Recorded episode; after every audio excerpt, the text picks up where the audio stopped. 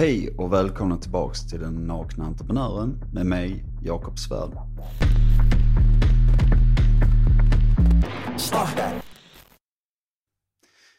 Idag ska jag berätta för er en historia om ett företag som jag har startat.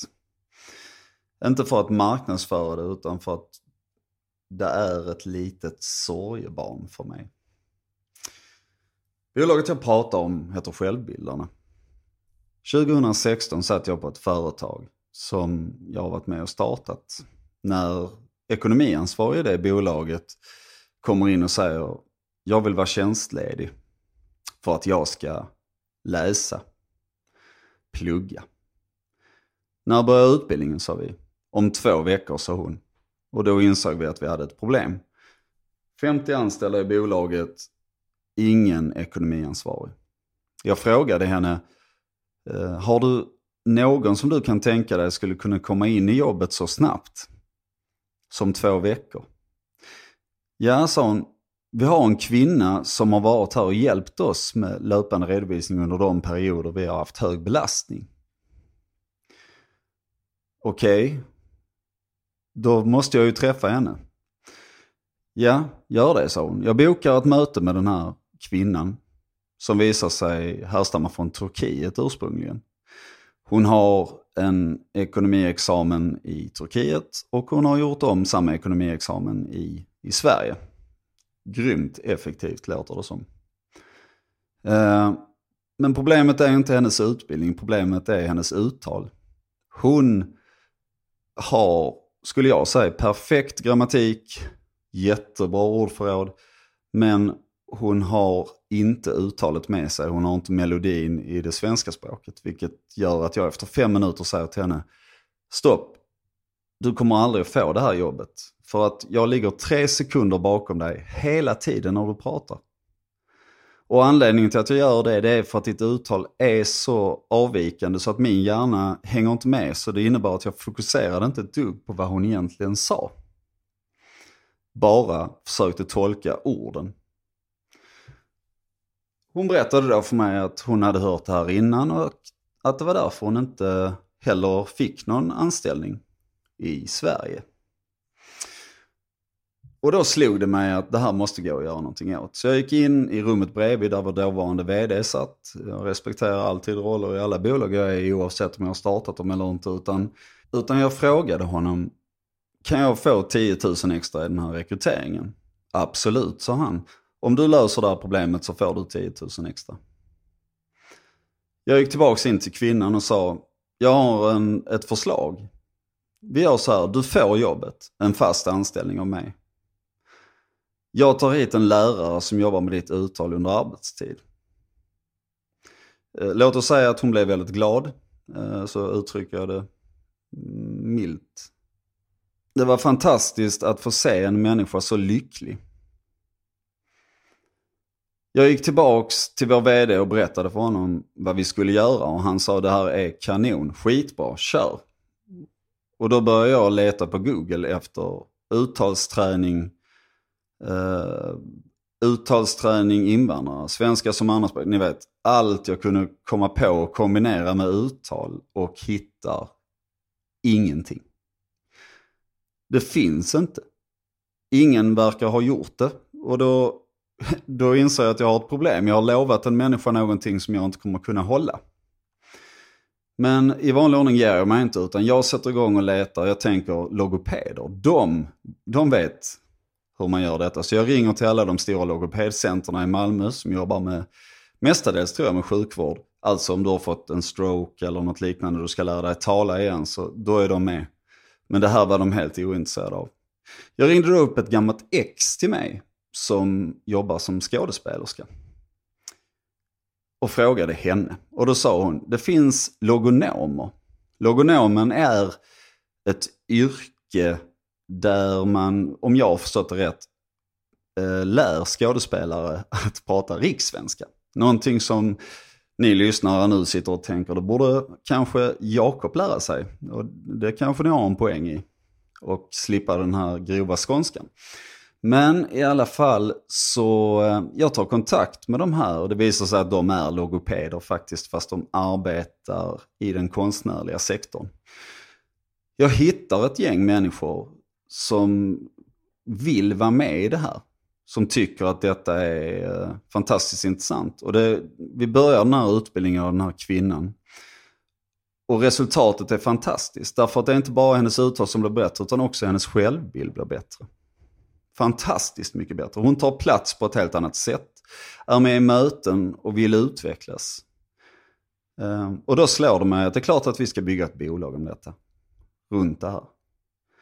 Bolaget kom att heta Självbildarna just på grund av den här kvinnans självbild. Att den blev så förändrad. Och det är fantastiskt. Och vi får med oss de här logopederna in i det här och vi kör igång. Och så kommer de vanliga motgångarna som jag träffade en jättetrevlig, ska jag säga, eh, tidigare vd på ett av de stora eh, utbildningsföretagen i Sverige. Som säger till mig, vad du än gör Jakob, försök aldrig vinna en offentlig upphandling. Okej, okay, tänkte jag. Men det blev ju som att kasta bensin på eld. Jag blev manisk, skulle omgående eh, vinna en offentlig upphandling. Vilket jag gjorde tre månader senare då. Eh, då vi tog hem kriminalvården, som, där vi utbildade alltså kriminalvårdare som hade svenska som andraspråk. Vi utbildade läkare som hade liksom verifierat, eller vad man säger, certifierat, licensierat sin utbildning i Sverige som de till exempel hade från Syrien.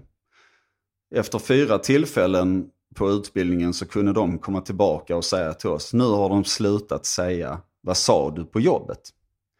Och tro mig, det finns ju ingenting som är större än de upplevelserna. Du kan aldrig jämföra ekonomisk ersättning med att faktiskt göra skillnad för någon annan människa. Och man ska också tillföra att självbildarna var ju inte eh, något annat än ett social entreprenörsinitiativ. Som visserligen måste omsätta pengar, gå med vinst för att kunna utvecklas. Men det var ingenting för oss att vi hade ingen ambition själva av att nu ska vi tjäna mycket pengar. Men varför är då inte det här bolagets standard i Sverige idag? När vi har utbildat hundratals människor, vi har dokumenterade resultat, vi visar vem som är anställning, att merdelen är anställning och blir anställningsbara på att gå en utbildning. Men varför, om det nu hade varit så att det är så bra, varför finns inte detta i hela Sverige? Varför vet inte du som lyssnar eller tittar på detta någonting om självbildarna? Jo, för att kunden är politiker. Vi har tappat sunt förnuft i detta därför att när vi pratade med människor på Arbetsförmedlingen, eh, inom kommunen, Malmö stad, så tyckte alla att det här är en jättebra idé. Det var bara ingen som ville ta ett beslut och säga att vi provar, eller det här måste vi använda. Därför att när man jobbar tydligtvis i offentlig förvaltning så är det lättare att inte ta några beslut alls, för då kan du inte göra fel.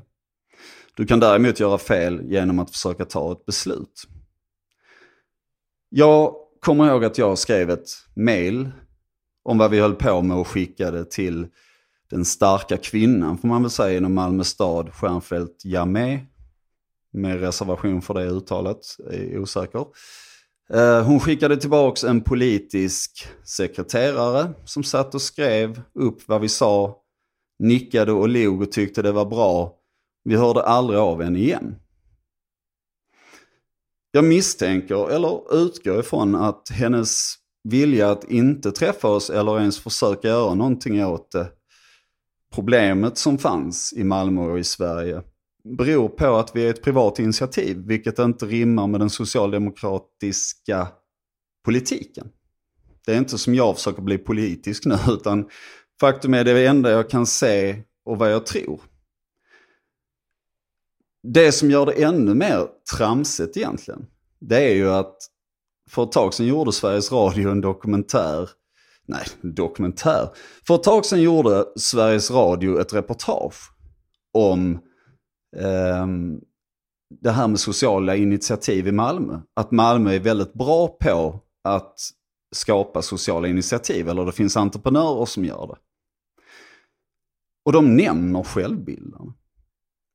I nästa klipp kommer Stjärnfeldt Jamé in och slår sig på bröstet och säger jag är så stolt över att liksom vara ansvarig inom Malmö stad och se hur fantastiskt de här människorna eh, gör detta. Så hon slår sig på bröstet och tycker gud vad jag är bra. Hur kan hon få det till det? Hur fan kan hon få det till det? Där det faktum är att i hela världen idag upplever jag att vi står med ett problem där logik och sunt förnuft gäller inte längre. Jag hörde för ett tag sedan, om det var ett sommarprat eller om det var en dokumentärpodd där en, en framgångsrik företagsledare sa att försäkringsbolagen startades en gång i tiden för att hjälpa varandra. Alltså, om din lada brinner ner så hjälper jag dig att bygga en ny. Exakt så tror jag att han, han, han sa. Men att det är förändrat idag. Samma sak gäller när vi har entreprenörer eller kallade civila personer som har hjälp eller lösning på samhällsproblem. Det ska gå igenom så oerhört mycket instanser, så mycket byråkrati, så många människor, så mycket politiska beslut som inte hade behövt ha någonting med ett beslut av att hjälpa människor att göra alls. Och därför så är det tyvärr så att jag har ju sagt till mig själv att jag kommer aldrig någonsin att göra om en sån resa. Därför att jag är fullständigt ointresserad av att sitta och försöka förändra människor som inte vill bli förändrade. Som har makten att göra någonting men faktiskt inte gör det. Det tycker jag är tragiskt. Självbildarna lever fortfarande. Vi utbildar människor idag på grund av covid-19 faktiskt distansutbildningar. För och nackdelar, mer tillgängligt, men inte kanske så dynamiskt som, som det var när vi träffades på plats. Jag är oerhört stolt över självbildarna, även om vi har gett upp att få det att bli någonting gigantiskt. Just nu orkade vi inte. Ingen av oss kände att det var, ja, vi är ju inte lobbyister, vi är inte här för att förändra politikers agenda. Vi försökte förändra ett problem. Och det är oerhört svårt. Så sociala entreprenörsinitiativ, fantastiskt men oerhört otacksamt. Inte bara att du inte ska tjäna pengar på dem. Du blir inte bemött med den respekten som du faktiskt borde bli tror jag. Om inte du har kliat rygg kanske, jag har ingen aning. Nu sitter jag mest och svamlar. Men, eh, och jag ska runda av nu. Ehm, och jag, eh, ja, varför berättar jag detta? Jo, det är nog det renaste, den renaste entreprenörsupplevelsen jag själv har haft. Där jag verkligen kände att jag kan ingenting om det. Jag vet inte vad jag håller på med, som vanligt. Ungefär som att spela in den här podden nu. Men jag gör det ändå. Och det som hände var att vi förändrade hundratals människors liv. Och de är jätteglada och tacksamma. Det var de då och de är det fortfarande. De har fortfarande av oss och säger tack så hemskt mycket för att ni gjorde detta. Och det tycker jag räcker för mig för att jag ska känna att det här var en succé. Jag tackar alla som har lyssnat, tittat och hoppas att vi ses och hörs snart igen. Tack så mycket. Kram och hej. Starta.